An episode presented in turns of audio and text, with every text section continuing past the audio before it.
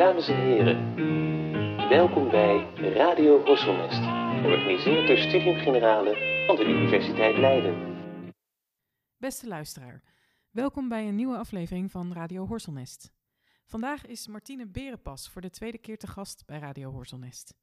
In aflevering 18 van onze podcast spraken Martine en Norbert over de filosofie van de Franse filosoof René Girard.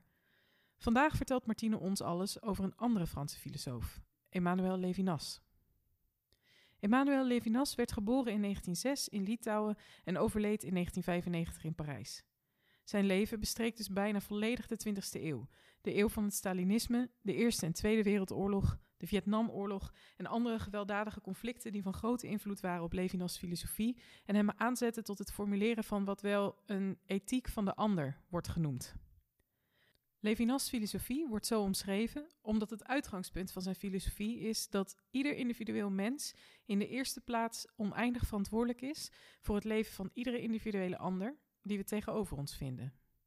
Dat klinkt erg zwaar en in zekere zin is het dat ook, maar in dit gesprek zal Martine vertellen hoe die oneindige verantwoordelijkheid voor de ander ons volgens Levinas ook van de zwaarte van het leven, van ons eigen zijn, bevrijdt. Bovendien zal blijken dat de ander weliswaar de centrale positie in Levinas' filosofie heeft, maar dat dat niet betekent dat Levinas zich alleen maar met de ander en niet met het zelf bezighoudt. Het denken van Emmanuel Levinas staat centraal in Martines promotieonderzoek. In haar dissertatie verbindt ze zijn filosofie met de vroege Taoïstische tekst De Dwangze. Martine doseert feministische theorie en Aziatische filosofie aan de Universiteit Leiden, zowel voor het Leiden University College als het Hoger Onderwijs voor Ouderen. Ze publiceerde artikelen en boekbijdragen over Sartre, Girard en onderwerpen als terrorisme en de ethiek van het martelen, maar ook over gastvrijheid en uiteraard veel over het denken van Emmanuel Levinas. Sinds 2022 vormt zij met Kees Wijstra ook het bestuur van de Levinas Studiekring. Wij van Radio Horselnest voelen ons zeer vereerd dat ze opnieuw bij ons wil aanschuiven. Martine, welkom. Dankjewel. Dan gaan we eerst maar even op persoonlijk beginnen, denk ik. Ja. Ik ben wel nieuwsgierig. Wat bracht je zelf bij Levinas? Waarom heeft hij zo'n belangrijke positie in jouw eigen onderzoek? Ja, ehm, dat is eigenlijk omdat ik eh, filosofie ben gaan studeren. Omdat ik aanvankelijk psychologie bij de psychologie begon en met belangrijke ethische vragen bleef zitten. En uiteindelijk kreeg ik eh, college over Levinas van Rico Sneller. En dit tekst pakte mij. Ik begreep er eigenlijk achteraf helemaal niks van. Maar het maakte zo'n indruk op mij. eh, de zwaarte van zijn ehm, tekst. De manier waarop hij, denk ik, filosofie en leven e- als één zag. Dus niet als een theorie, maar echt als iets wat het leven eh, ja, kan doorgronden. Ehm, dat ik daardoor gewoon aangesproken werd. Toen ben ik vervolgens eh, naar Chicago verhuisd en heb ik daar bij Tina Chanter eh, een college nog gevolgd over Levinas en kunst. En vond ik ook, ja, het is een soort resoneer, het resoneerde bij mij. Ja, En daar kun je heel veel redenen voor vinden, maar die zijn, het gaat eigenlijk op gevoel. ja, ja. Eh is iets wat je, wat je raakt. Ja. Ehm, en, en daar is eigenlijk is uit ontstaan mijn fascinatie voor het denken. Eigenlijk een diep respect voor het denken van Levinas. Met name eh, vanuit het feit dat je nog durft te denken over ethiek. Als je volledige familie is uitgemoord tijdens de Holocaust ja, ja. vind ik heel moedig. Ehm, en daarnaast ook eh, omdat ik dus zelf er affiniteit mee had. ja, ja. Ehm, en, en ik wilde eigenlijk een promoveren op Levinas. Dat was mijn grootste droom. En dat, eh, En dat, gebeurt, gebeurt nu. nu. Ja, ja, Wat Ja. heerlijk. ja, ja, zo kunnen dromen heel makkelijk. Nou, heel makkelijk. Zo makkelijk was het niet. Nee, ik wou net zeggen. Zo makkelijk is Levinas ook niet. Nee, nee, zeker niet. Nee. Nee, Hij staat wel te boek als een, als een heel ingewikkelde filosoof. is die ook. Dat Ja. is ook wel interessant, want de Ja. meeste mensen zullen denken... is niet alle filosofie heel ingewikkeld? Nee. Maar Lev- Levinas spant echt wel Spant de kroon. echt wel de kroon. Ik zal ook eh, wel laten. Ik hoop in deze podcast daar duidelijkheid over te geven waarom dat zo is. Ja, dat is misschien wel een goede vraag. Waar zit het hem in dat dat, dat denken van hem zo moeilijk, moeilijk is? is. Ehm, dan moet ik heel eventjes eh, eigenlijk bij de fenomenologie beginnen. Ja. Hij reageert eigenlijk op eh, Hegel en Husserl en Heidegger. En eh, hij heeft eigenlijk heel veel affiniteit natuurlijk met Heidegger. Heidegger heeft, is in staat ge- geweest, of in staat, eh, ja, die is de filosoof geweest, die ehm, het leven, of het menselijk leven in zijn eigenlijk eh, beter te begrijpen dan de filosofie voorheen. Filosofie voorheen werd toch al meer wetenschappelijk en abstraheerde van eigenlijk het werkelijke menselijke leven, waardoor de mens een soort van object werd. Een soort ding wat je kan onderzoeken, substantie. En Heidegger, die heeft met name laten zien dat de mens een wie is en geen wat. De mens is altijd al geworpen in een betekenisvolle wereld. De mens is in de wereld zijn. Ehm, dat is echt een enorm belangrijke inzicht voor Levinas. En wat je ook terugziet in zijn hele werk. ehm, dat de mens, de menselijke ervaring, een soort van een, een betekenissurplus hebben, een betekenismeerwaarde. Mhm. Dat iets anders. Dat mens het zelf is geen subject of geen eh, eh, substantie. Nee. Ehm, en eh, dat, daar, dat uitgangspunt hè, heeft hij eigenlijk genomen van Heidegger. Dat neemt hij ook over, het in de wereld zijn. Hè, het benaderen van een object niet als we kunnen het onderzoeken. Nee, vanuit de praktische lading. Heidegger zegt daar heel mooi over van... Een, een hamer leer je niet kennen door te gaan onderzoeken... maar gewoon om te gaan, gaan timmeren.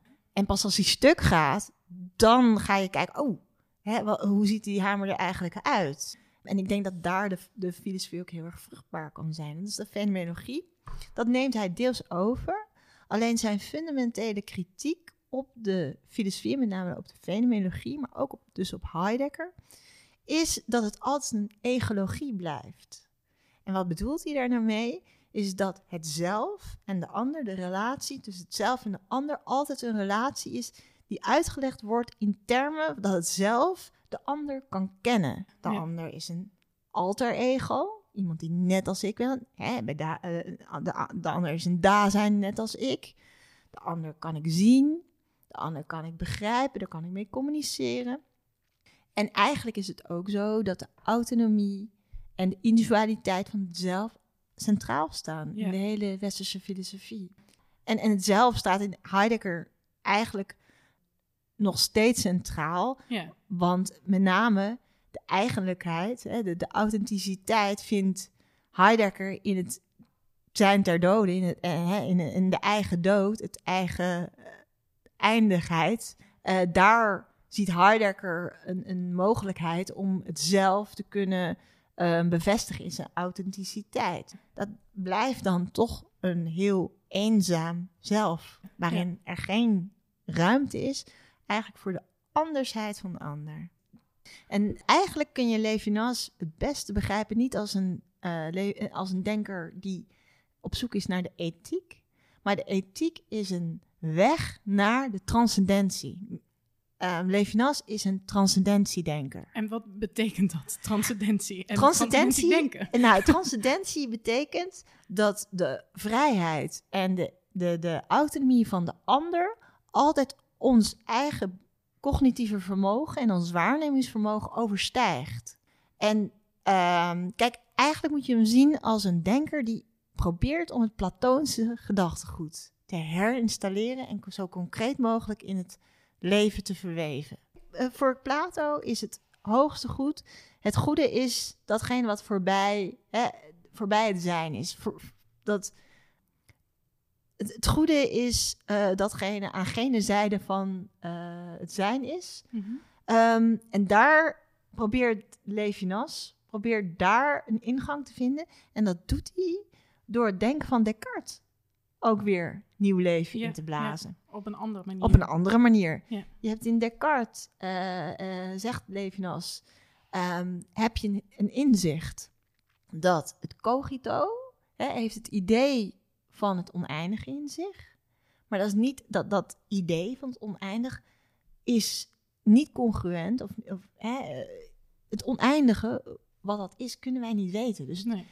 Het idee hebben van het oneindige, maar het oneindige zelf overstijgt, overstijgt op dusdanig niveau het eindige subject, Ja.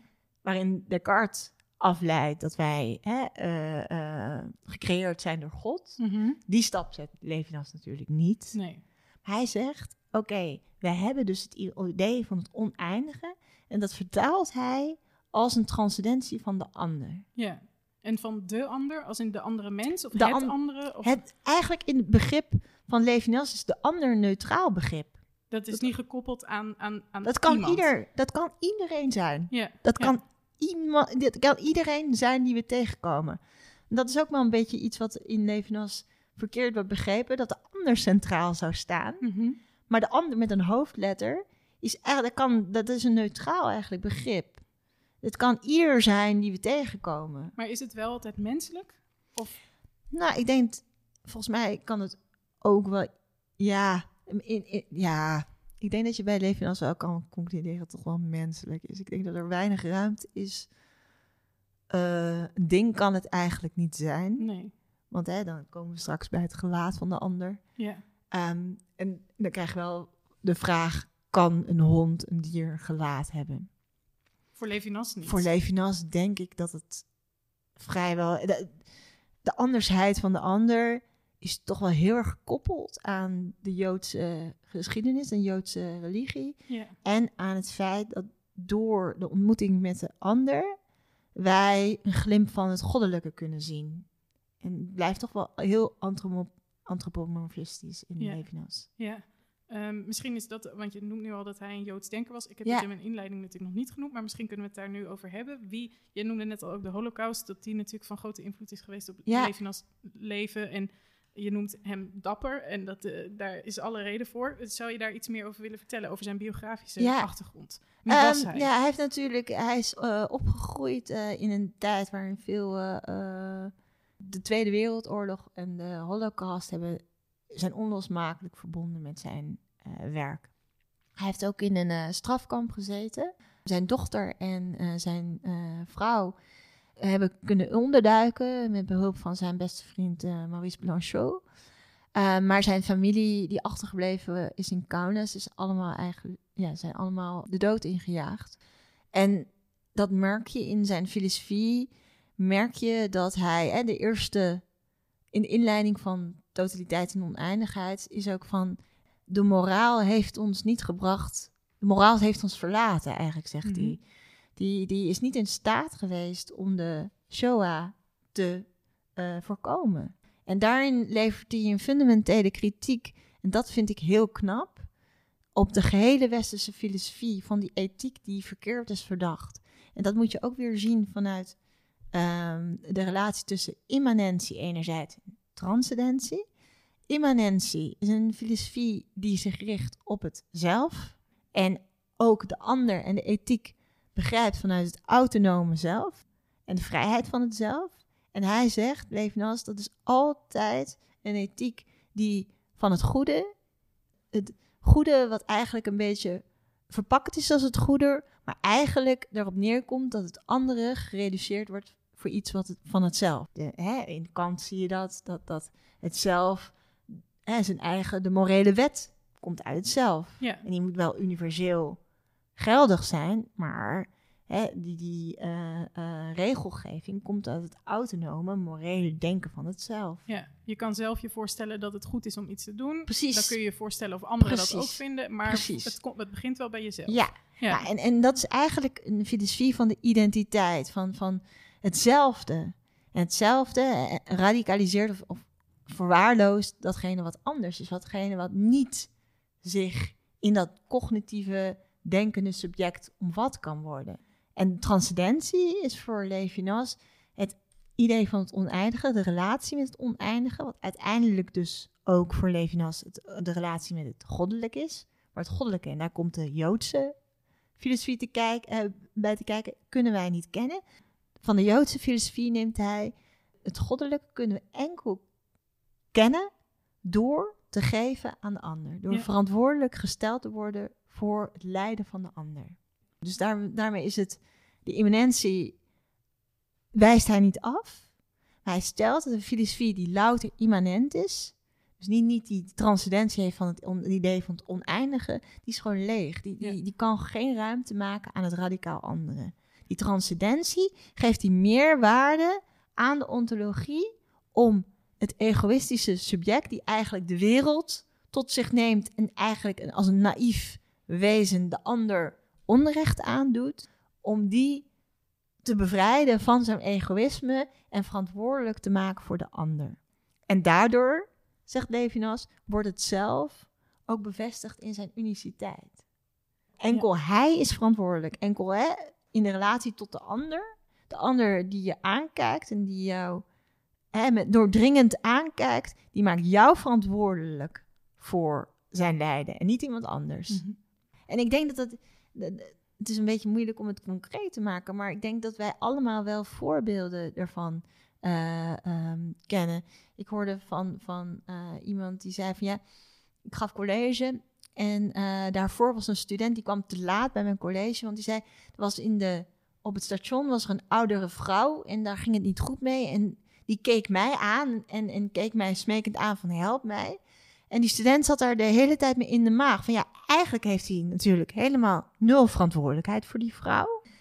Maar ze, haar lot, zij sprak hem aan, waardoor hij de druk voelde om haar te bekommeren om haar. En, en hoe, hoe ver gaat die verantwoordelijkheid? Mag je je college daarvoor voor missen? Eh, hè, hoeveel ga je die vrouw nog naar, naar het ziekenhuis brengen? Ga je, hem thu- ga je thuis brengen? Dat zijn allemaal vragen die voortkomen uit dat oneindige verantwoordelijkheid die opeens op je schouders ligt. Ja, zodra iemand anders Zodra iemand doet. een appel op je doet. Ja, ja. Ehm, en eh, in een van je artikelen haal je ook een gedeelte uit Levinas werk aan dat wel bekend staat als, ehm, of omschreven wordt als een soort filosofische fabel van de subjectwording. Ehm, hij legt daarin uit wat het betekent om een menselijk soort zijn te zijn. Zou je daar iets meer over kunnen vertellen? Hoe, hoe omschrijft hij dat? Wat betekent het om mens te zijn? Of hoe, hoe is het menselijk zijn? Nou, dat doet hij eigenlijk. Hij, zegt, dat- hij doet het eigenlijk door het analyseren van hele normale ervaringen. Bijvoorbeeld ehm, de slapeloosheid. Ehm, als je wakker ligt en niet kan slapen, dan ben je een zelf, zegt hij, die geklonken is aan zijn eigen zijn. Voor Levinas is het niet zozeer als bij Heidegger, dat wel het geval bij Heidegger is dat de dood zo op ons rust, op ons drukt. Maar Levinas zegt het zijn zelf, het bestaan zelf, van je, dat drukt op ons. En hij analyseert heel mooi bijvoorbeeld de slapeloosheid. Als je niet kan slapen, dat, dat is een soort existentiële druk die op je ligt, die vreselijk is. En hij analyseert dat als niks heeft betekenis in zo'n wereld. In je slaapkamer kan je niks zien. Dan weegt de zwaard van het anonieme zijn, het Ilia noemt hij dat, op jou. Want je ligt daar maar. Want je ligt daar maar. Je, Je- gaat niks doen, want je je, bent geen- op die slaap. Precies, je bent geen actief subject dan meer. Je bent Nee. meer passief en, en kwetsbaar. De kwetsbaarheid speelt ook een hele belangrijke rol eh, in, in de fenomenologie van Levinas. Je, je kunt niks doen en het anonieme zijn, dat drukt op jou. En dat, daar staat het open, tegenover natuurlijk de wereld van het licht, waarin ik wel dat actieve subject kan zijn en de dingen er voor mij zijn. Ja, waarin En de- ik handel en dingen Precies. me toe Hè, eh, waar ik de, de stoel gewoon opzij kan zetten. Terwijl in de slaap hè, kan ik er niet, eh, niet zien of die er wel of niet staat. En eigenlijk is het subject enerzijds een activiteit die actief, zegt Levinas, zich afzet zet tegen het anonieme zijn en een zijn met een naam is. Hè. Ieder mens is een, heeft een naam. En dat is elke keer een overwinning op het anonieme zijn. En hij vergelijkt het met, je moet elke keer weer uit bed komen ja, ja. en de dag beginnen. Dus enerzijds is het dat, dat een overwinning van het anonieme zijn. Aan de andere zijde zie je dus ook dat het een, een, een arbeid is, een, wer, een druk die Ja. op je ligt. Je bent elke keer, zit je met jezelf. Je zit ook in je eigen lichamelijkheid geklonken. Dus je wil, er zit iets in het mens zijn wat wil. Wat dingen wil. Er zit een verlangen om te ontsnappen aan jezelf. Ja, om te denken, "Ah, ik, ik heb er genoeg van. Maar je wil wel ook je, je eigen ik bewaren. En, met die spanning speelt Levinas. En daarin ziet hij de mogelijkheid naar een verlangen dan, van anders dan zijn zijn. En dat betekent eigenlijk een verlangen naar de ander. Een verlangen om eigenlijk niet te weerspiegeld te worden in de ander, maar dat de ander dat, een betekenisvolle relatie zonder dat die gereduceerd kan worden naar iets, naar een terugkeer naar mezelf. Dus ik wil eigenlijk bevrijd worden van mezelf. En dat is de relatie met de ander. En uh, om dat concreet te maken, je, hou je in een van je artikelen ook aan dat we, we zijn, wat dat dan betekent om de ander, om je dus wel weer spiegel te zien in de ander, wat, waar Levinas dus eigenlijk van zegt van, nou ja, dat is niet, niet alles. Niet alles. Dat, dat zien we heel duidelijk terug in dat we kunnen zeggen over iemand, oh ja, maar zo is die persoon gewoon. Omdat Ja. je, je denkt dan te weten wie iemand is. Maar Ja. tegelijkertijd hebben we natuurlijk ook allemaal de ervaring dat we eh, vaak worden overvallen door de andersheid Ja. van de ander, de- die Ja. je dus niet kent. is Al altijd het risico, hè? aan die Ja. ander. Ja, en de, het andere, de andersheid van het ander, die, die, die kan eh, je overvallen en kan je... Dat, dat biedt weerstand aan jouw manier van zijn in de wereld. Kan je echt van je plek afstoten. Ja, want eigenlijk heb ik last van andere mensen natuurlijk. Eh, Even heel onaangenaam, maar ja, dat is wel zo. Als ik het voor het zeggen had, dan, Ja. dan was alles in de wereld van mij, om Ja. zo te zeggen. Ja, dat is de, de, de fundamentele egoïstische spontaniteit die die ook zelf wel heeft, ja. Want dat vindt Levinas wel ook. Kijk, Levinas zegt, de mens is van nature een genietend wezen. En dat is ook, ik vind dat heel mooi aan zijn, leven, aan zijn filosofie. Dat het niet de leegte of de angst primair staat, maar een genietend wezen. Ja. Die is er gewoon voor zichzelf. Dus hij En- vindt wat Darwin vindt met, eh, eh, nou ja, de mens wil overleven, maar het is niet alleen maar overleven. Want dat is dus, de mens is tot in staat, wat mooi dat je dat zegt, van de mens is in staat om als enige wezen in dienst te treden, tot, hè, om zijn leven te geven aan de ander en daar niks voor terug te geven, te Mhm. krijgen. Niks. Is niet wederkerig. Het is absoluut irrationeel dat een, een volkomen vreemdeling met, hè, eh, met, met ehm, gevaar voor eigen leven iets doet voor een ander. Een heel, ik vond een heel indrukwekkend voorbeeld, eh, vind ik, dat een eh, duiker is omgekomen in de spelonking, volgens mij in Afrika. En ehm, die is daar het lichaam eh, wilden de ouders heel graag hebben, maar het was heel gevaarlijk om dat te krijgen. Een andere duiker, die hem niet kende, die hem niks verplicht was. Het is een hè, overleden persoon, dus er valt niks nog te halen. Die is voor, met gevaar van eigen leven heeft gedoken en heeft dat lichaam geprobeerd naar boven te halen. Dat is hem gelukt, maar hij is zelf overleden. Ja, maar dat is, Levinas zegt terecht, dat is enige manier waarop de mens anders is dan zijn. Waarin dus niet meer telt dat ik, hè, ik als je een conatus essendi tot uitgangspunt neemt, heeft het totaal geen betekenis En die conatus essendi, van eh, eh, eh, het volharden in je eigen zijn, om Oh, je eigen zelfbehoud maar te garanderen. Maar deze actie, zegt Levinas, is zo menselijk. die gaat zo tegen dat zelfbehoud in, Precies, ja, precies, ja. Ja. En dat is de transcendentie.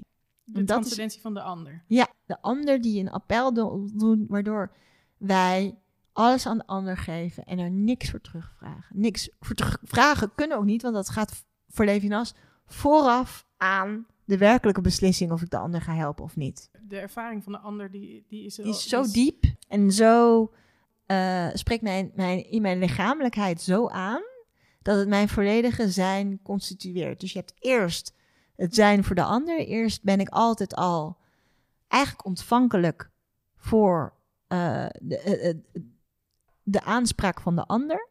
En pas daardoor kan ik zelf mijn autonome keuzes maken. Maar hoe, hoe, hoe moet ik me dat voorstellen dat ik er eerst ben voor de ander? Ja, dat is heel, heel contra-intuïtief, hè.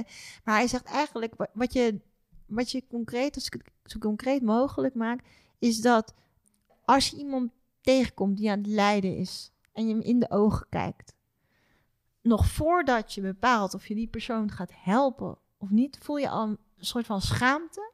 Van, hè, die schaamte, die, dat, dat gevoel, je, wordt, je bent er ontvankelijk voor. En dat is een lichamelijke reactie. Dat is niet cognitief, maar het geeft wel een. een ehm, de ander spreekt je echt aan. En natuurlijk kun je zeggen, ja, maar een psychopaat heeft dat niet. Ja, Maar, dat, is de uitzondering. precies. Dat eh, dat- moeten we niet als, als niet- standaard nemen. Precies, misschien. dat, dat Ja. is natuurlijk een, een soort van. eh, daarom zien we ook psychopaten als vaak als niet menselijk. Dat, dat is, die mist dat compliment. Dat, dat ja, menselijke compo- component. Nou ja, en ook wel, eh, ik moet zeggen dat toen ik me dan dus wat ging verdiepen in de filosofie van Levinas, eh, viel me dat erg op. Hij denkt vanuit die holocaust. Ja, Ehm, hij, eh, hij gaat het denken bevragen vanuit hoe heeft het nou kunnen gebeuren, om Ja. het maar zo te zeggen. Zoals natuurlijk veel mensen in die tijd. En daarvoor ehm, was hij natuurlijk ook al met Ja. filosofie bezig, dus het is niet alsof hij ineens begon. Maar wel, ik vroeg me wel af, oké, als hij zo uitgaat van het idee dat ik dus altijd ontvankelijk ben ja. voor, voor het beroep dat de andere mens op mij doet, hoe koppel je dat dan aan wat de nazi's hebben gedaan? Hoe, hoe koppel je dat dan aan de vreedheid in de concentratiekampen? Maar wat Ja. ik begreep was dat je, je, kunt, je, kunt, je bent weliswaar verantwoordelijk, die ander doet dat beroep wel, Ja, maar, en je voelt dat wel, maar dat betekent niet dat je er gehoor aan geeft. precies. Precies, dat zeg je heel goed. Ja, want voor Levinas is het natuurlijk heel belangrijk dat enerzijds ben je oneindig verantwoordelijk voor de ander. Maar anderzijds wilde hij natuurlijk ook de vrijheid en de autonomie van de mens bevestigen. En dan heb je de totaliteit, dat is de ontologie, de vrijheid en de autonomie, en oneindigheid. Dus die twee werelden hebben elkaar nodig. Die zijn er altijd allebei Die zijn er tegelijk. allebei tegelijk. En waarnaar, waar ik naar luister, is dus een risicoproject. Ga ik dit keer voor de ander of ga ik voor mezelf? Het is altijd een risico. En daardoor zegt Levinas ook dat het het zelf het gewicht geeft. Hè? Als het een risico, als er iets van afhangt, dan dat gewicht dat op mij drukt, geeft het, geeft het leven ook betekenis. Want het hangt van mij af. Ik doe ertoe, want mijn handelen, hè, die oneindige verantwoordelijkheid die op mij drukt, elke beslissing die ik maak is daardoor een risico. Elke beslissing heeft waarde. Dus dat, dat- dat- en Omdat, er, omdat, Omdat ik er- ook de andere keuze zou kunnen Ja, maken, om ja. het maar zo te zeggen. precies, het, Ja. is niet, het is niet zo eh, dat het er niet uitmaakt. Nee, nee en nou ja, dat, dat brengt ons natuurlijk ook wel bij dat ehm, als we Levinas filosofie karakteriseren als een filosofie van de ander, dan lijkt dat heel snel een soort ongebreideld Ja. altruïsme te Nee, worden. dat is het dus Maar dat is Ik het zou- dus niet. Nee, ik, dus zou, ik zou echt eh, pleiten voor een, een zien als een filosoof van de transcendentie. Ja, Dus, dus die ehm, centraal stelt dat het niet alleen gaat om het zelf, wat egoïstisch, spontaan en, en eh, vanuit zijn genieten de wereld eh, tot zich neemt. Maar dat er Mhm. dus ook iets bestaat waardoor dat egoïstische, genietende subject doorbroken wordt door de ander, door de vrijheid en de, en de innerlijkheid van de ander. En dat is de ethiek. dus En de weg, de, de, de verantwoordelijkheid voor de ander is de weg naar de transcendentie. Maar dat is, dat is niet. Dat, de transcendentie staat, denk ik, centraal. En daarin denk ik dat die, ehm, dat die vaak verkeerd begrepen wordt. Want anders wordt het zo'n masochisme. ja, Hè, dan, dan, dan maar kun dat, je dus niks meer doen, behalve Precies. luisteren naar iedereen die je tegenkomt. Precies. En dat, dat, dat hij zegt ook- niet. Hij zegt ook in zijn politieke interviews meer, zegt hij, in de ander kunnen we ook een, een, een, een vijand tegenkomen. En dat is te begrijpen vanuit immanentie en transcendentie. De ander kan wel oneindige verantwoordelijkheid, die, die druk kan wel op, maar de ander kan on- ontologisch gezien ook vijandig gezind zijn. En wat bedoel je daar dan mee? Dat de ander ons, ons kwaad wil doen? Precies, ondanks dat ik oneindige verantwoordelijkheid draag voor iets voor mijn vijand, wil het niet betekenen dat de ander altijd mijn goedgezind is. En, En dan- heeft dat dan ook als gevolg, wat, wat betekent dat dan voor die verantwoordelijkheid? Moet ik daar dan wel nog naar luisteren? Of is het dan verantwoordelijker om toch te denken, nou, Maar daar, dat, is, dat is het raadsel van de ethiek. En dat is iets waar, wat Derrida natuurlijk vervolgens oppakt door eh, die, die, die differentiedenker, die deconstructie eh, weer te geven. Het is, de ethiek is een risicoproject. Je Ja. weet niet wat de goede keuze is. Nee, je, kunt niet, Natuurlijk- je kunt niet zeggen, goed, ik neem nu als uitgangspunt voor alle dingen die ik doe in het leven, dat het gaat om de nee, ander. da- zo makkelijk is het niet. Nee. Het is een, een situationele keuze. En ik denk, het, ik denk wat het enige wat je kunt doen, is dat je in acht neemt dat de ander anders is. Dat, de ander, dat je de ander ruimte laat om de, eh, voor de, dat je de ander, eh, dat je rekening houdt met de ander, denk ik. Nee, en ook dat je de ander Ja. anders laat zijn. Precies, precies. En, en ik denk dat je als je ehm, de ander in ogenschouw houdt, eh, dat dan je keuzes, ja, in de, in- maar het is altijd, eh, eh, dat zegt Levinas ook op een gegeven moment in zijn latere werk, die oneindige verantwoordelijkheid, dat wordt een probleem. Kijk, als ik oneindig verantwoordelijk ben voor enkel mijn dochter, dan is het heel makkelijk, want dan geef ik alles aan mijn dochter. Ja. Pas als de derde partij erbij komt, namelijk mijn zoon, dan wordt die oneindige verantwoordelijkheid heel, heel lastig. Ja. Maar dan komt de rechtvaardigheid in beeld. Van dan worden vragen getriggerd van, hè, deze, dit kind heeft ook mijn, eh, eh, ben ik ook oneindig verantwoordelijk voor? Maar die ander vraagt ook iets van mij.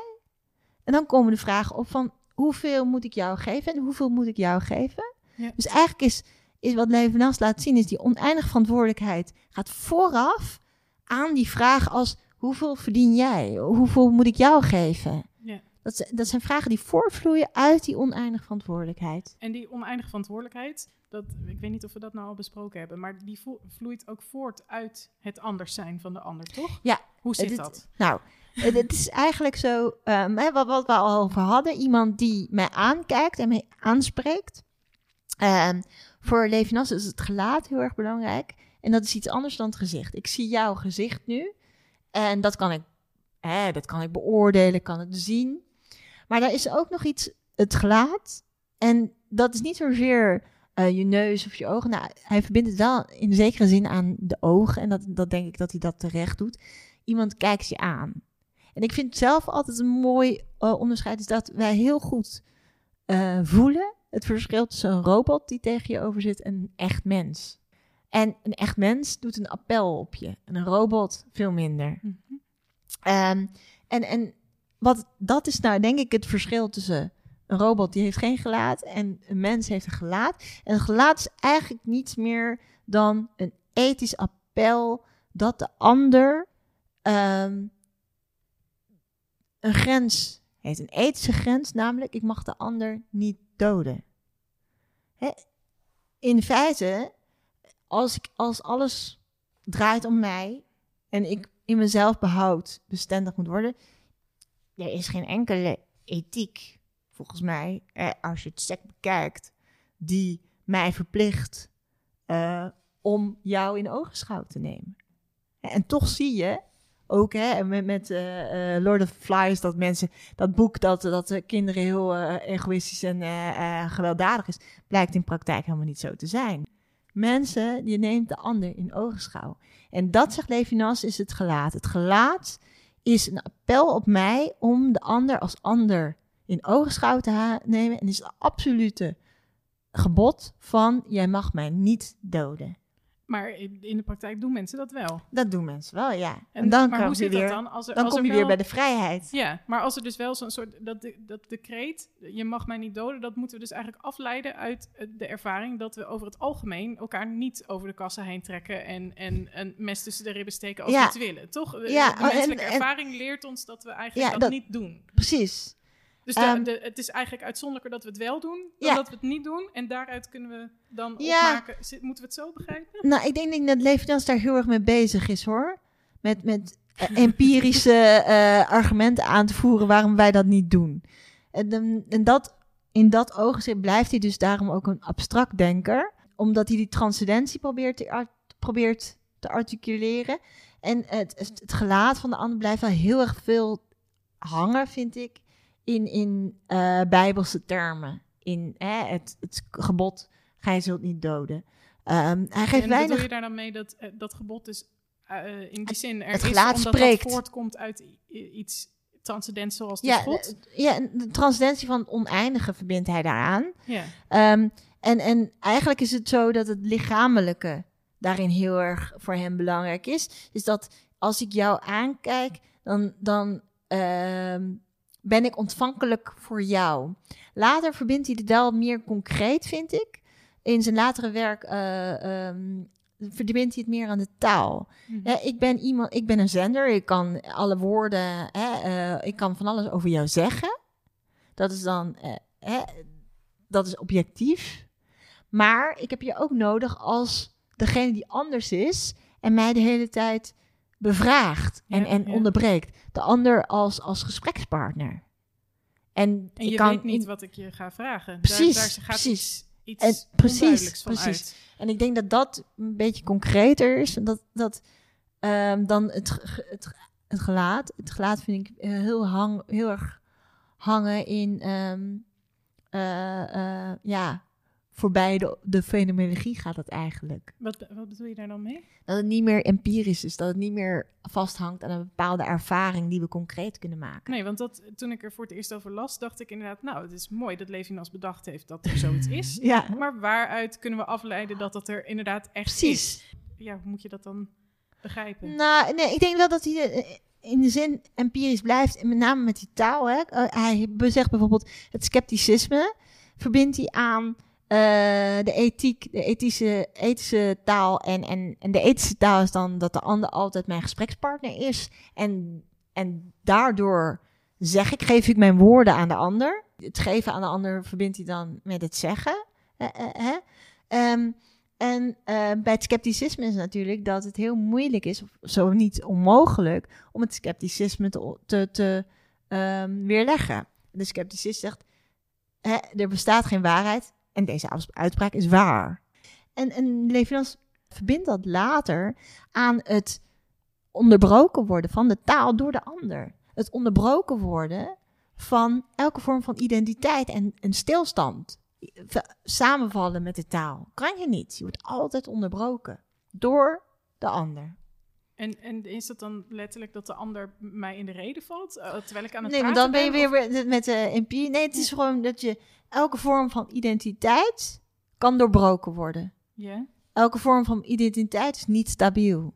Dus altijd iets anders wat daaraan vooraf gaat en wat die identiteit onmogelijk maakt. ook in mijzelf. Ook in jezelf. Je bent nooit een identiteit, je bent nooit een volledig zijn. En hoe- Sartre zegt dat al, hè? Ja. Volledig zijn is een steen. iets onveranderlijks. Je kunt je niet vasthouden aan een bepaalde identiteit. Dat later, en, dat doe ik in mijn dissertatie ook, dat verbind ik het met ehm, de, de taak om altijd voorbij de identiteit te denken. Dus om ruimte te laten om onderbroken te worden. En dat is ehm, ook, ook een soort ehm, risico. Het is een soort dat het oneindig. Hè, eh, taal is oneindig creatief ook. Mhm. Ehm, aan de andere kant word je ook altijd ehm, hè, het samenvallen. Wat, wat je bijvoorbeeld bij Hegel eh, heel goed ziet. Hegel probeert alles te vatten in de universele geest. Ja. Dat, dat er alles transparant is. Dat ideaal is gewoon niet mogelijk.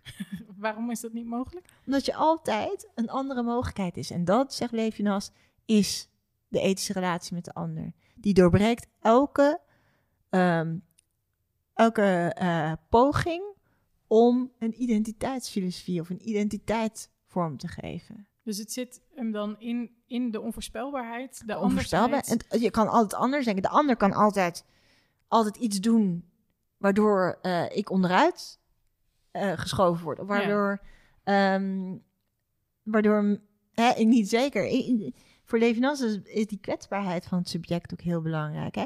Enerzijds ben ik een activiteit, maar in de relatie tot de ander, de ander die mij aanspreekt op mijn egocentrische genieten van de wereld, ben ik heel kwetsbaar. Maar ook in het lijden ben ik heel kwetsbaar.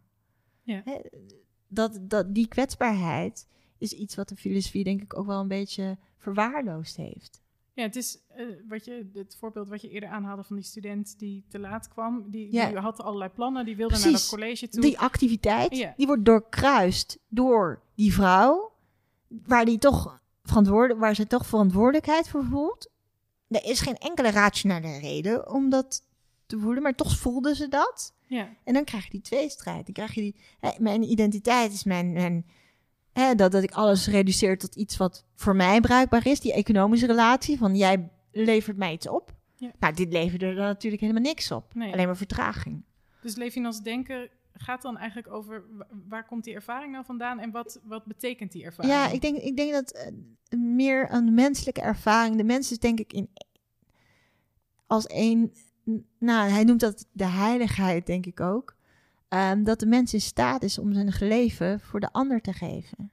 Zoals die duiker. Ja, Ja. ja. En, en, en- en daar is geen enkele. Dat gaat voorbij de rationaliteit. Dat kun je niet verklaren. kun je niet verklaren. Nee. Maar ook, hij heeft een hele mooie analyse geschreven van liefde. Uiteindelijk is die eros, vind ik wel, eh, wat onderbelicht.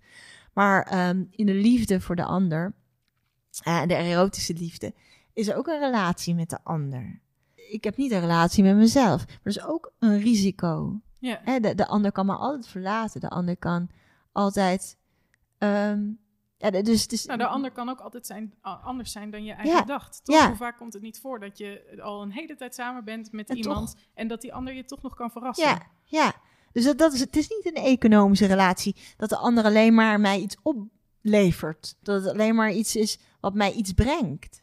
Het kan me ook van mijn plek af. Echt letterlijk van mijn plek af stoten. Dat, ja. Ja. dat ervaren we natuurlijk ook vaak. Ja. dat is een minder prettige kant misschien. Ja, dat- dat- is die Maar ja, kwetsbaarheid. dat Ja. is die kwetsbaarheid waar je Ja. het dan over hebt. En hij, hij gebruikt dat ook als, als een illustratie, toch? Van Ja, wat, dat wat die van de kwetsbaarheid transcendentie. is. Ja, uiteindelijk ehm, die erotische relatie, het, het vrouwelijke, ik ga niet heel erg in op dat vrouwelijke, want daar is die heel erg bekritiseerd. Om, ligt denk ik ook een beetje eh, lastig in zijn filosofie. Maar eigenlijk, aan de andere kant is het ook wel weer duidelijk. Kijk, het, het genietende egocentrische subject is mannelijk in Levinas. Dat doet hij bewust omdat hij ook vindt dat Dasein neutraal is. Dasein, zegt Levinas, heeft nooit honger. En Levinas probeert eigenlijk de uniciteit van het zelf te bestendigen, maar dan op een andere manier dan dat die uniciteit verbonden is aan de eigen dood van het subject.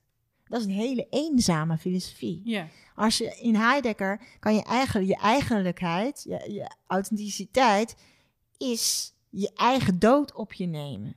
En als je delen van, van eh, zijn tijd leest over het men, ja, dat is een soort schrikbeeld. Het is niet moreel bedoeld, maar het is wel een beetje een schrikbeeld. De andere. de andere mensen die, die zitten in de weg van jouw authentieke ja, zijn. precies, precies, ja.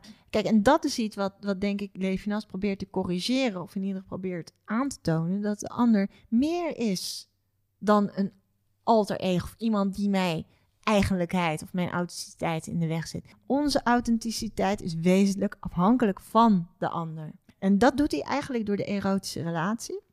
En het is seksistisch, dat geef ik eerlijk toe. Hij, hij, hij, eigenlijk wat hij doet is de, eh, ja, de, de, het patriarchaat van de Joodse religie repeteren. En hij probeert daar wel ruimte voor te geven dat metaforisch is bedoeld, maar dat is heel moeilijk. Dat is een Van- moeilijk gesprek. Dat wordt moeilijk. Ja. ja. Maar goed, wat hij zegt eigenlijk is die erotische relatie. En, en dat is wel iets wat hij heel mooi uitwerkt. Hè, het strelen. De Ja. ander streelt mij. En dat is een ontvankelijkheid. Ik kan mezelf niet strelen zoals de ander mij streelt. Maar er is ook een soort kwetsbaarheid, een ontvankelijkheid. eh, waarin mij een toekomst wordt beloofd, zegt Levinas heel mooi. Hè, De ander belooft een toekomst die niet meer om mezelf draait. In, het, in de liefde draait het niet meer alleen maar om mij.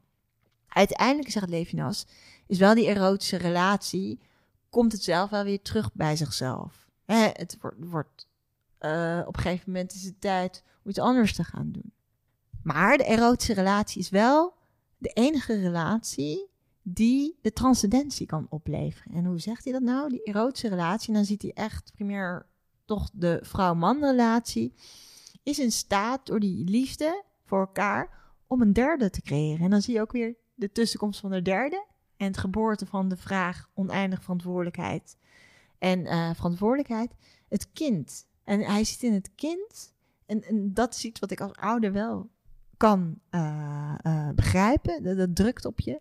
In het kind zie je jezelf en toch is het radicaal ander. Ja, Een radicaal ander. Je kan hem of haar nog zoveel zeggen, maar eigen vrijheid, eigen autonomie. En toch herken je jezelf daarin. ja, ja. En dat is het, hè, het kind is zowel zelf als ander. En daarin ziet hij de transcendentie. Want ik, en dat is ook een asymmetrische relatie tussen ik en, ik en mijn kind. Ik heb oneindig verantwoordelijkheid voor mijn kind. Ik ben zelf verantwoordelijkheid, verantwoordelijk voor zijn of haar verantwoordelijkheid. Maar zij of hij heeft helemaal niks. Geen enkele. Verantwoordelijkheid voor mij. Precies. Nee. Precies. Die asymmetrie vindt hij dus in de geboorte. En hij zegt de geboorte van de zoon. Dat is die repetitie of die, die herhaling van eh, de traditionele geschiedenis van de Joodse religie. Ja, Maar daarin ziet hij dus de transcendentie van het ik. Het ik is niet meer geklonken aan zijn eigen lichamelijkheid. Hij, hij of zij leeft voort in zijn kind. Zie je nog eens, hè? er- er zit iets van jou in. ja, ja. Maar het is toch radicaal anders. Ja. En ik ben er eindig verantwoordelijk voor. Nou, dat, daar ziet hij in die vruchtbaarheid, ziet hij een manier om de transcendentie dus vorm te geven. En eh, begrijp ik nu ook goed dat het- wat Levinas zegt over, over de erotische relatie en over dus dat kind. We- Je zou daar, we zou, als je dat heel plat leest eh, of een eerste indruk ervan hebt, dan kun je denken: oh, dus iedereen die geen kinderen heeft, die, die begrijpt Ja. niet wat het is om, eh, die kan nooit transcenderen. Dat, dat kan Nee, allemaal nee, dat is niet maar waar. dat is niet wat er gebeurt, is- nee, toch? nee, nee, dat is niet waar. Het is eh, een, een metafoor eigenlijk voor, je moet het dus zien als, je kunt ook ehm, ouder zijn. Het, kind, het kan ook iemand zijn die jij raakt. Of iemand waarin je... ge- ja, de, de, de- het is- het gaat weer niet om een empirische ervaring voor Nee, Levinas. ja. Aan de andere kant zie je wel dat hij speelt met geschiedenis. Hè? Mhm. En daar komt Hegel weer aan bod. Hegel zag de geschiedenis als de ontwikkeling van de geest. En uiteindelijk is alles transparant en is de geschiedenis ehm, ten einde. Ja. Voor Levinas zegt hij, ja, maar die transcendentie heeft een meerwaarde voor de Hegeliaanse transparantie, omdat de ander, die zelf, zowel zelf is als ander, en die geboren wordt, elke keer eigenlijk die transparantie, die identiteit van, van de geschiedenis, doorbreekt. Mhm. En, en eigenlijk ehm, het onmogelijk maakt om die geschiedenis een soort van, van transparant te maken. Want die is altijd ook ander. Ehm, en daardoor zie hij, en dat verbindt hij dus aan de, ja, aan, aan de goddelijke geschiedenis van de, de broederschap. Als je de, de, eh, het ziet in, de, in vormen van vader, dat ik vader ben van alle andere toekomstige kinderen. En die krijgen we kinderen en kinderen. En dan leef ik elke keer, ben ik, ik ben daar nu al verantwoordelijk voor. Dus in mijn verantwoordelijkheid leef ik dan dus eigenlijk ook voort. op een Precies, bepaalde manier. precies. Ja, En dat bevrijdt mij van mijn bevrijdt- zijn. precies, ja. Ja. Ja, en daarin ziet hij de geschiedenis dus als discontinu. Maar ook als continu, want ieder mens is verantwoordelijk voor ieder ander. Ja. Dus daarin ziet hij een continuïteit die discontinu is. En dan heb ik nog wel een vraag over dat, die metafoor van dat ouderschap. Ehm, hij benadrukt dat, dat in dat kind dus zowel iets van, van het zelf zichtbaar is als van de ander. Als we dat, die, relatie, die oude-kindrelatie dus zien als een soort metafoor voor de relatie tussen een- Ieder- ieder ander en Ja. ieder zelf. ehm, dan, dan lijkt er toch ook de suggestie te zijn dat een deel van de verantwoordelijkheid die we voelen voor de ander toch ook wel te maken heeft met dat we ook onszelf wel herkennen in de ander. Dat we de behoeftigheid Ja, van maar dat is, het is altijd totaliteit en oneindigheid. Ja, Dus ja, het, is, ja. het, is een, eh, het is niet totaliteit of oneindigheid. Totaliteit en oneindigheid. Ja, samen Ja. in, in, Ja. in de ervaring. Het is alleen zo dat als we de ander enkel reduceren tot iets wat we kunnen kennen en die gelijk aan mij staat en, en die, hè, dan missen we het iets. Dan wordt het gewelddadig.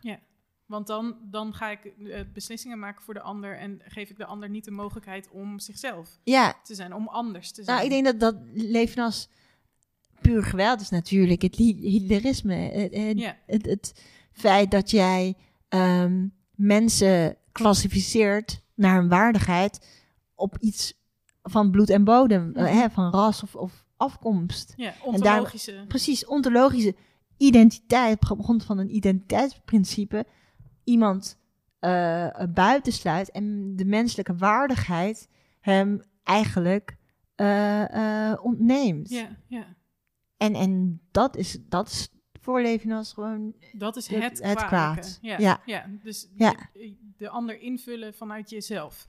En niet... de ander reduceren, denk ik ook. De, de vrijheid en de autonomie van de ander niet als transcendentie, maar er is iets wat behoort, wat geclassificeerd kan worden. Ja, wat jij kunt vastpakken. Precies, en wat je kan, kan uitsluiten van eh, in de ogenschouw nemen. Van jij, jij bent het niet waard om in ogenschouw genomen te worden.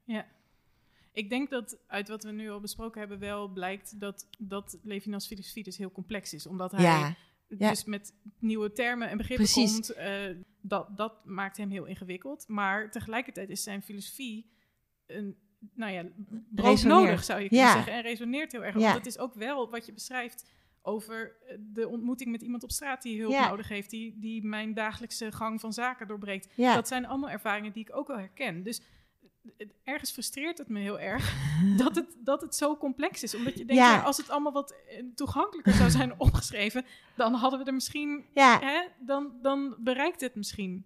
Ja, de- ik- makkelijker. Nou, ik, ik probeer mezelf daar wel in voor te zetten. Dat ik Levinas wat toegankelijker maak. Ja. Maar aan de andere kant wil je Levinas ook recht doen. Ehm, en met name, ik denk dat het inzicht dat hij een transcendentiefilosoof is. En kijk, transcendentie, elke ehm, concretisering van de transcendentie doet ook afbreuk aan de transcendentie. Dus in die zin verkeert Levinas ook in een woordnood of een, een, gebrek aan woorden. Of in ieder geval eh, ehm, spraaknood. En hoe bedoel je dat dan precies? Nou, elke vorm, als ik, iets, als ik het over de ander heb, als hij in zijn boek over de ander hebt, dan stolt het de ander tot een identiteit, tot Ja. iets wat begrijpelijk is. en tot iets wat je dus categoriseert Precies, op precies. moment. En Ja, dat is hij eigenlijk, ja, is dat niet. Eigenlijk had hij niks moeten zeggen Nee. om recht te doen aan de ander. Maar dat zegt hij ook later, dat dat, dat, het, hè, dat dat niet mogelijk is. We Nee. moeten altijd, je hebt altijd die ontologie nodig om de weg naar de transcendentie te kunnen articule- articuleren. Ja, die ontologie die is er wel, Ja. maar het is niet het meest primaire aan ons Het bestaan. is niet precies, daar zeg je het goed. Het is Dat niet primair. We zijn, gaat, ja, vooraf gaat die transcendentie. ja, we kunnen nog zo hard proberen om, om het allemaal te vatten in woorden, maar uiteindelijk blijft er altijd iets wat Iets, we eh, niet... Een ethisch residu, ja. Ja, Ja. ja. Iets wat ons blijft bevragen en beknagen. En dat is de ander. Dat is de relatie tot de ander. En nou ja, goed, we kunnen misschien stellen dat Levinas in, in het dagelijks leven van mensen... Het is de vraag in hoeverre dat dan doorcijpelt in, in het dagelijks bestaan. Nou, ik, ik denk als ik persoonlijk moet gaan, eh, eh, als, dan word ik even persoonlijk. Ik denk dat ehm, de oneindige relatie tot de ander voor mij vrij abstract bleef, totdat ik zelf ouder werd. Ja, dat kan ik me goed Ehm, voorstellen. En met name tijdens de coronacrisis ook. Dat je ook nog de verantwoordelijkheid voor een hele hebben en zijn de hele tijd hebt. Ja. Die kan behoorlijk op je eh, drukken. Die, die druk die als ouder op je ligt, van die oneindige verantwoordelijkheid, vond ik, dan, vond ik toen wel heel concreet worden. Toen dacht ik, ja, het wordt nu wel, dat is wel een ander verhaal. Ehm, aan de andere kant denk ik ook dat wij allemaal wel gevallen kennen waarvan wij iets hebben gedaan voor de ander, wat totaal niet rationeel is, wat totaal niet niets te maken heeft met eigen belang, niets te maken heeft met, met een vrije keuze, maar iets wat ik, dat deed ik gewoon Ja. in een flits van een seconde. En denk je dat zo'n ervaring dan... ehm, want wat ik bedoelde was...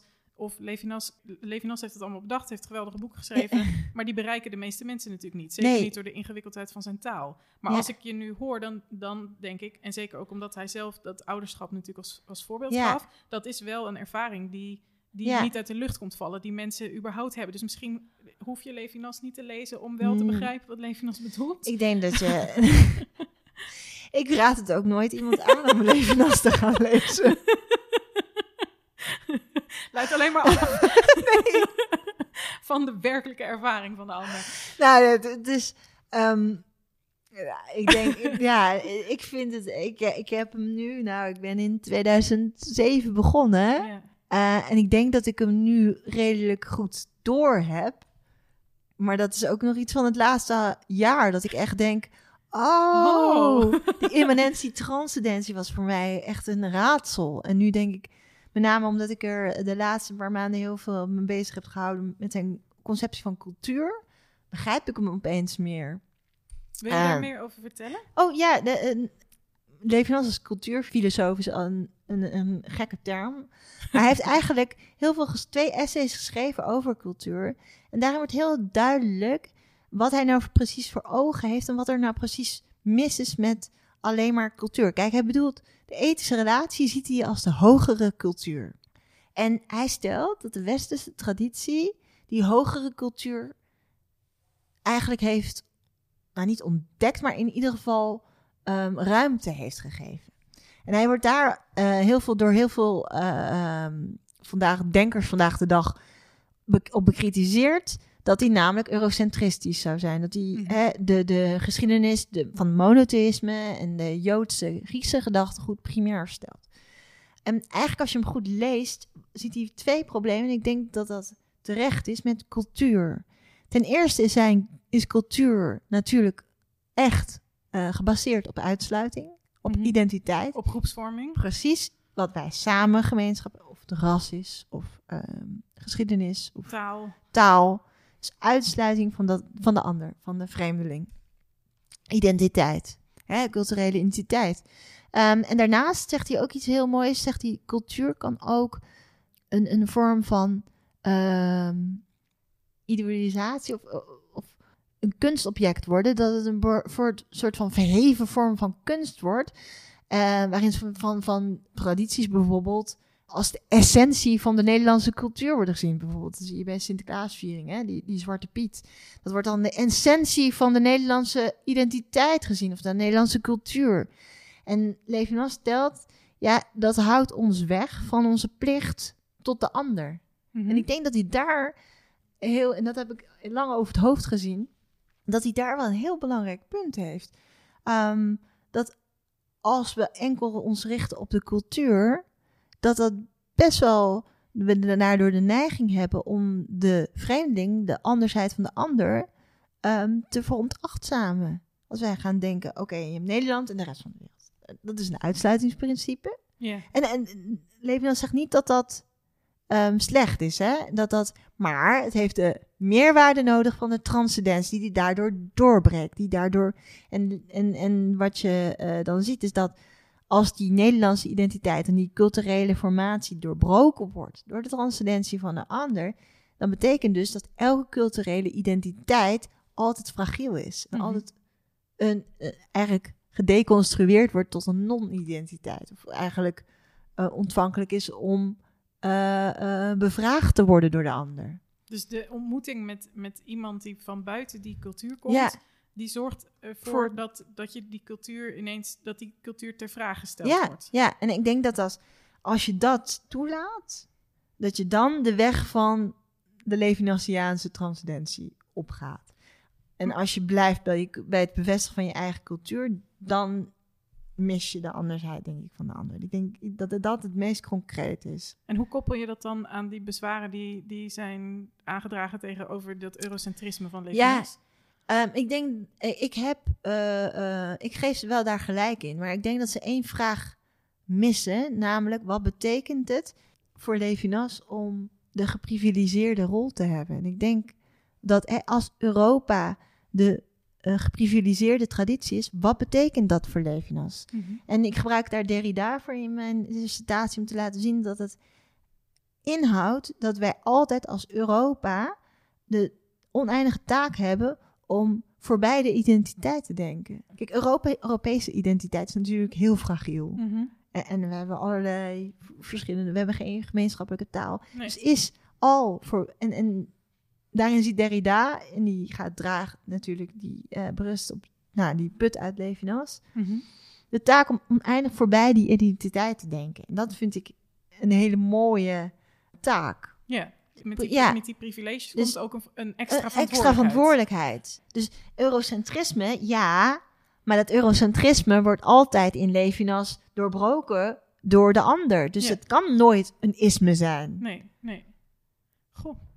en, want ehm, ik wilde eigenlijk vanuit de, dat je, vanuit de, de vraag eh, hoe Levinas nou eigenlijk in ons dagelijks denken van vandaag de dag doorcijpelt, ook naar hoe Levinas de filosofie na hem beïnvloed Ja. heeft. En dit is misschien wel een voorbeeld daarvan, toch? De- Ja, het- Derrida, de, de oneindige verantwoordelijkheid, de oneindige gastvrijheid voor de ander en de rol van Europa is er mooi.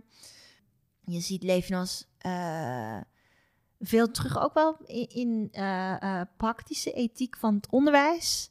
Zie je hem vaak dat hij gebruikt wordt. Mhm. Ehm, omdat natuurlijk de relatie tussen docent en student zo'n belangrijke relatie is. En met name de ethiek voor de ander ehm, daarin heel erg veel recht kan doen. En ook een beetje ruimte kan laten.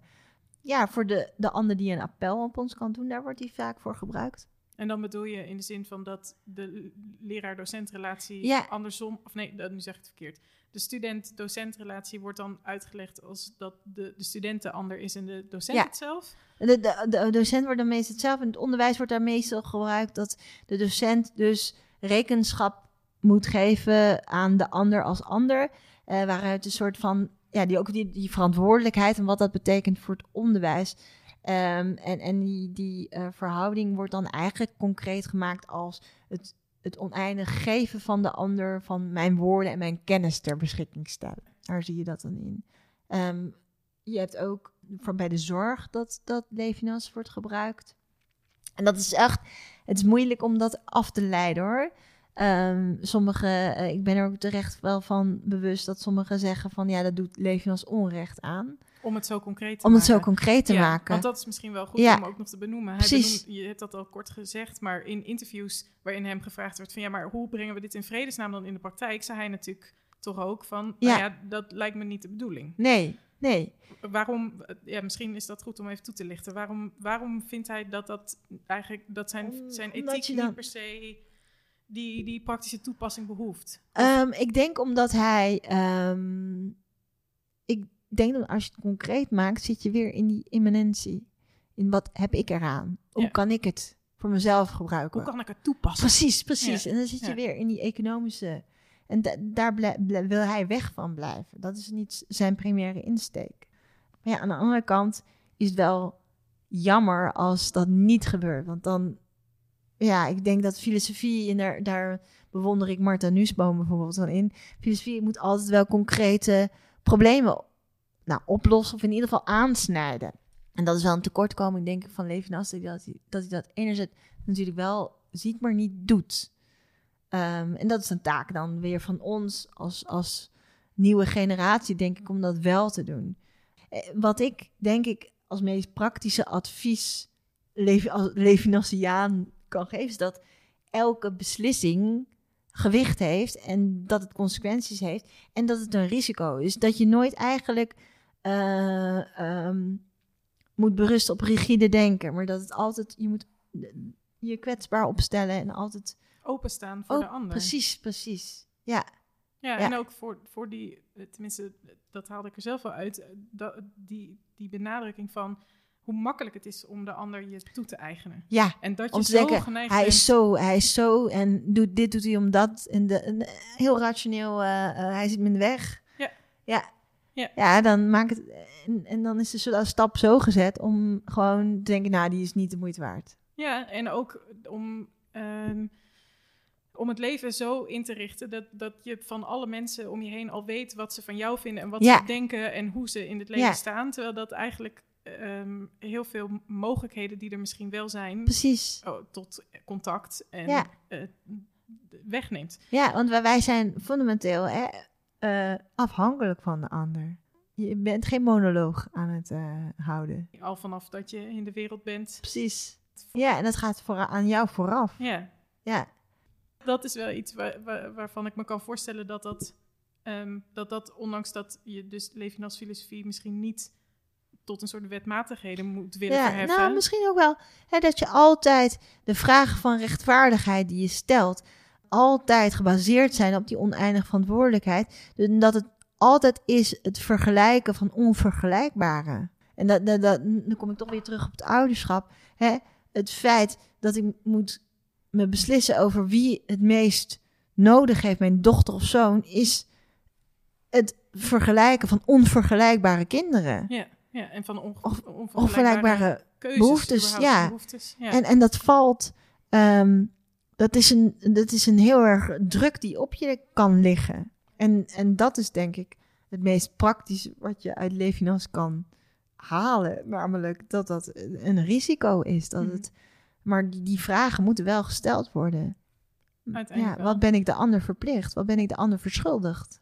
Ja, En dat, je hebt het al even over dat, dat vergelijkbare, dat onvergelijkbare vergelijkbare. ja, Dat haakt een beetje aan misschien wat, wat Levinas ook teweeg brengt in de filosofie op dit moment, waar, Ja. je, ook, waar je proefschrift ook Ja. over gaat nu. Zou Ja. je daar ook iets over willen vertellen? Ja, ik, ik hou me bezig met de vergelijkende filosofie, comparatieve filosofie. Dus hoe kan je ehm, een andere culturele traditie en filosofische concepten uit een andere traditie eh, benaderen? En daarin eh, eh, probeer ik eigenlijk te laten zien dat methodes vandaag de dag in de vergelijkende filosofie heel erg draaien om het dichter bij elkaar brengen van eh, filosofische eh, divergente concepten. Eh, waardoor het verschil tussen tradities hè, minimaal wordt gemaakt. Maar eigenlijk wat we daardoor doen, is dat de ander, hè, de culturele andere filosofische concepten, worden vertaald naar onze eigen kenbare filosofische concepten. En ik probeer eigenlijk te laten zien dat vooraf aan het feit dat we dat kunnen doen. En dat is ook heel belangrijk dat we dat doen door middel eh, het identificeren van wat we gemeenschappelijk hebben. Daar vooraf gaat de relatie tussen het zelf en de ander, Ja. die asymmetri- asymmetrisch is en waarin de ander hè, altijd ons doorkruist en altijd ons bevraagt en altijd die identiteit onderuit kan halen. En ik wil eigenlijk laten zien dat ehm, de vergelijkende filosofie eh, wordt gekenmerkt door, door eigenlijk ja, inconsistentie en, en eh, eh, onbepaaldheid.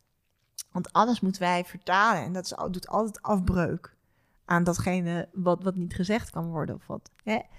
Ehm, en eigenlijk wil ik ook laten zien dat het eh, vergelijkende filosofie niet zo alleen regeltjes behelst, maar ook een, ehm, ja, een positie van verantwoordelijkheid. En die verbind ik dan deels aan Levinas, maar ook aan de dwangse, waarin het noodzakelijk is dat ik mijn rigide denken en mijn eigenlijk het zien van mijn perspectief als uiteindelijk als, als een soort grenswachter van, van, de- van het zien van goed en kwaad, hè, dat ik daarover kan oordelen, dat dat losgelaten moet worden.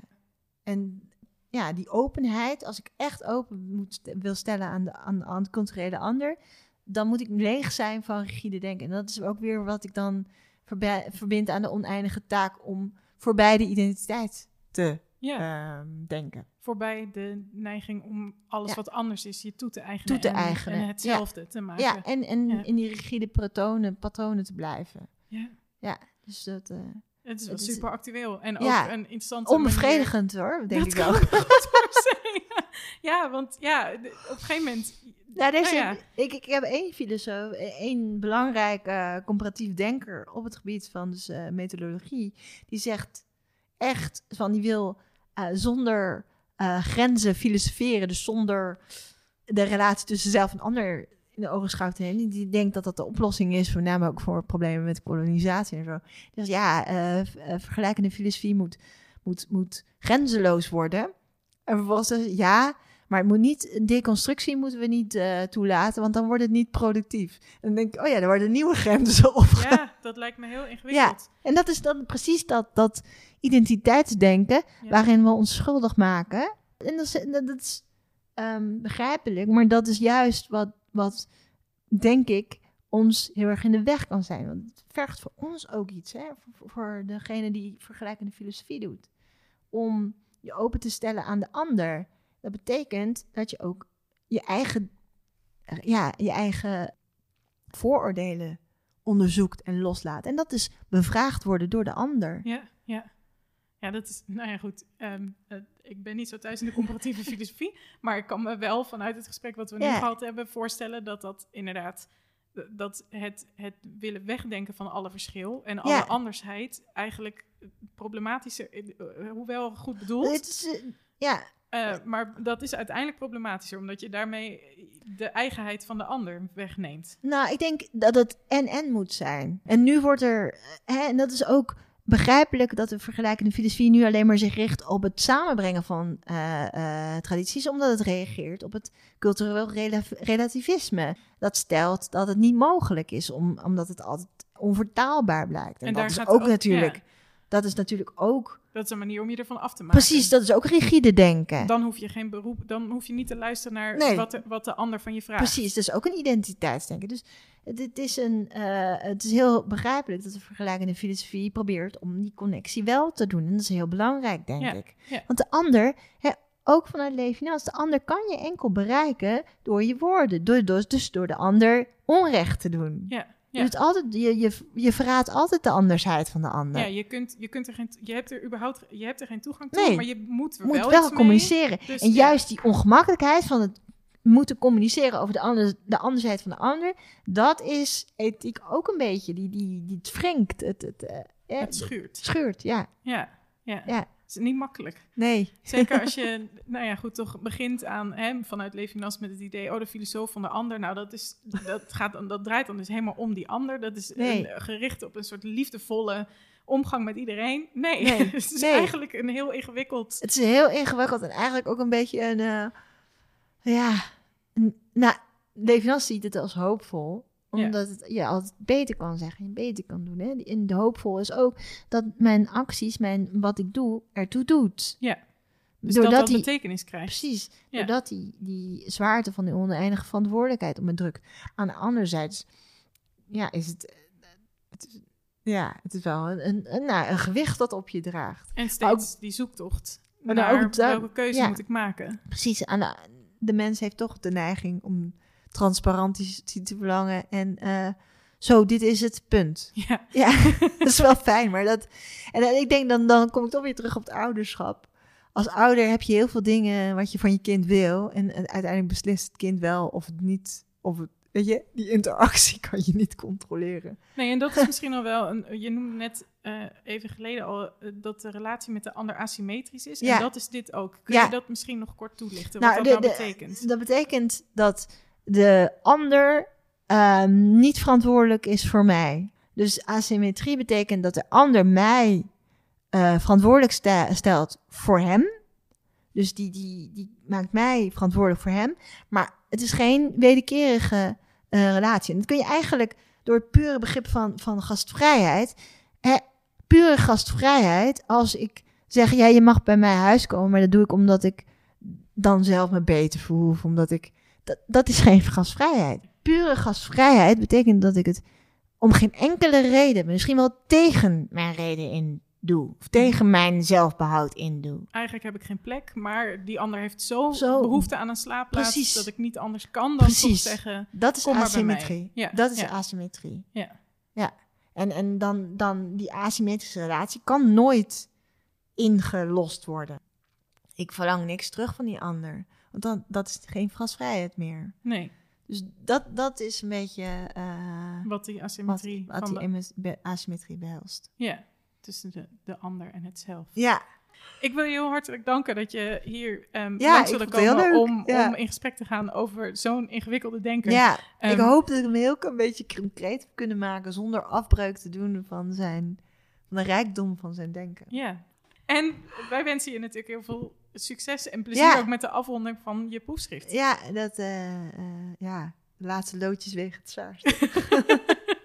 en de HOVO-luisteraars, die, die zien je natuurlijk gewoon weer in de Ja. collegebanken. Heerlijk. Ehm, en ja, ik wil graag onze luisteraars thuis bedanken voor hun aandacht vandaag. Ja, ik en ook. ook ehm, aanraden om toch nog, ondanks dat de geluidskwaliteit niet helemaal geweldig is, ook het gesprek wat je met Norbert had over Girard ja, te die is ook heel interessant dat is ook heel interessant. Ja. Goed, dankjewel. Dankjewel. Dit was weer een aflevering van Radio Horselnest. Dank u voor het luisteren.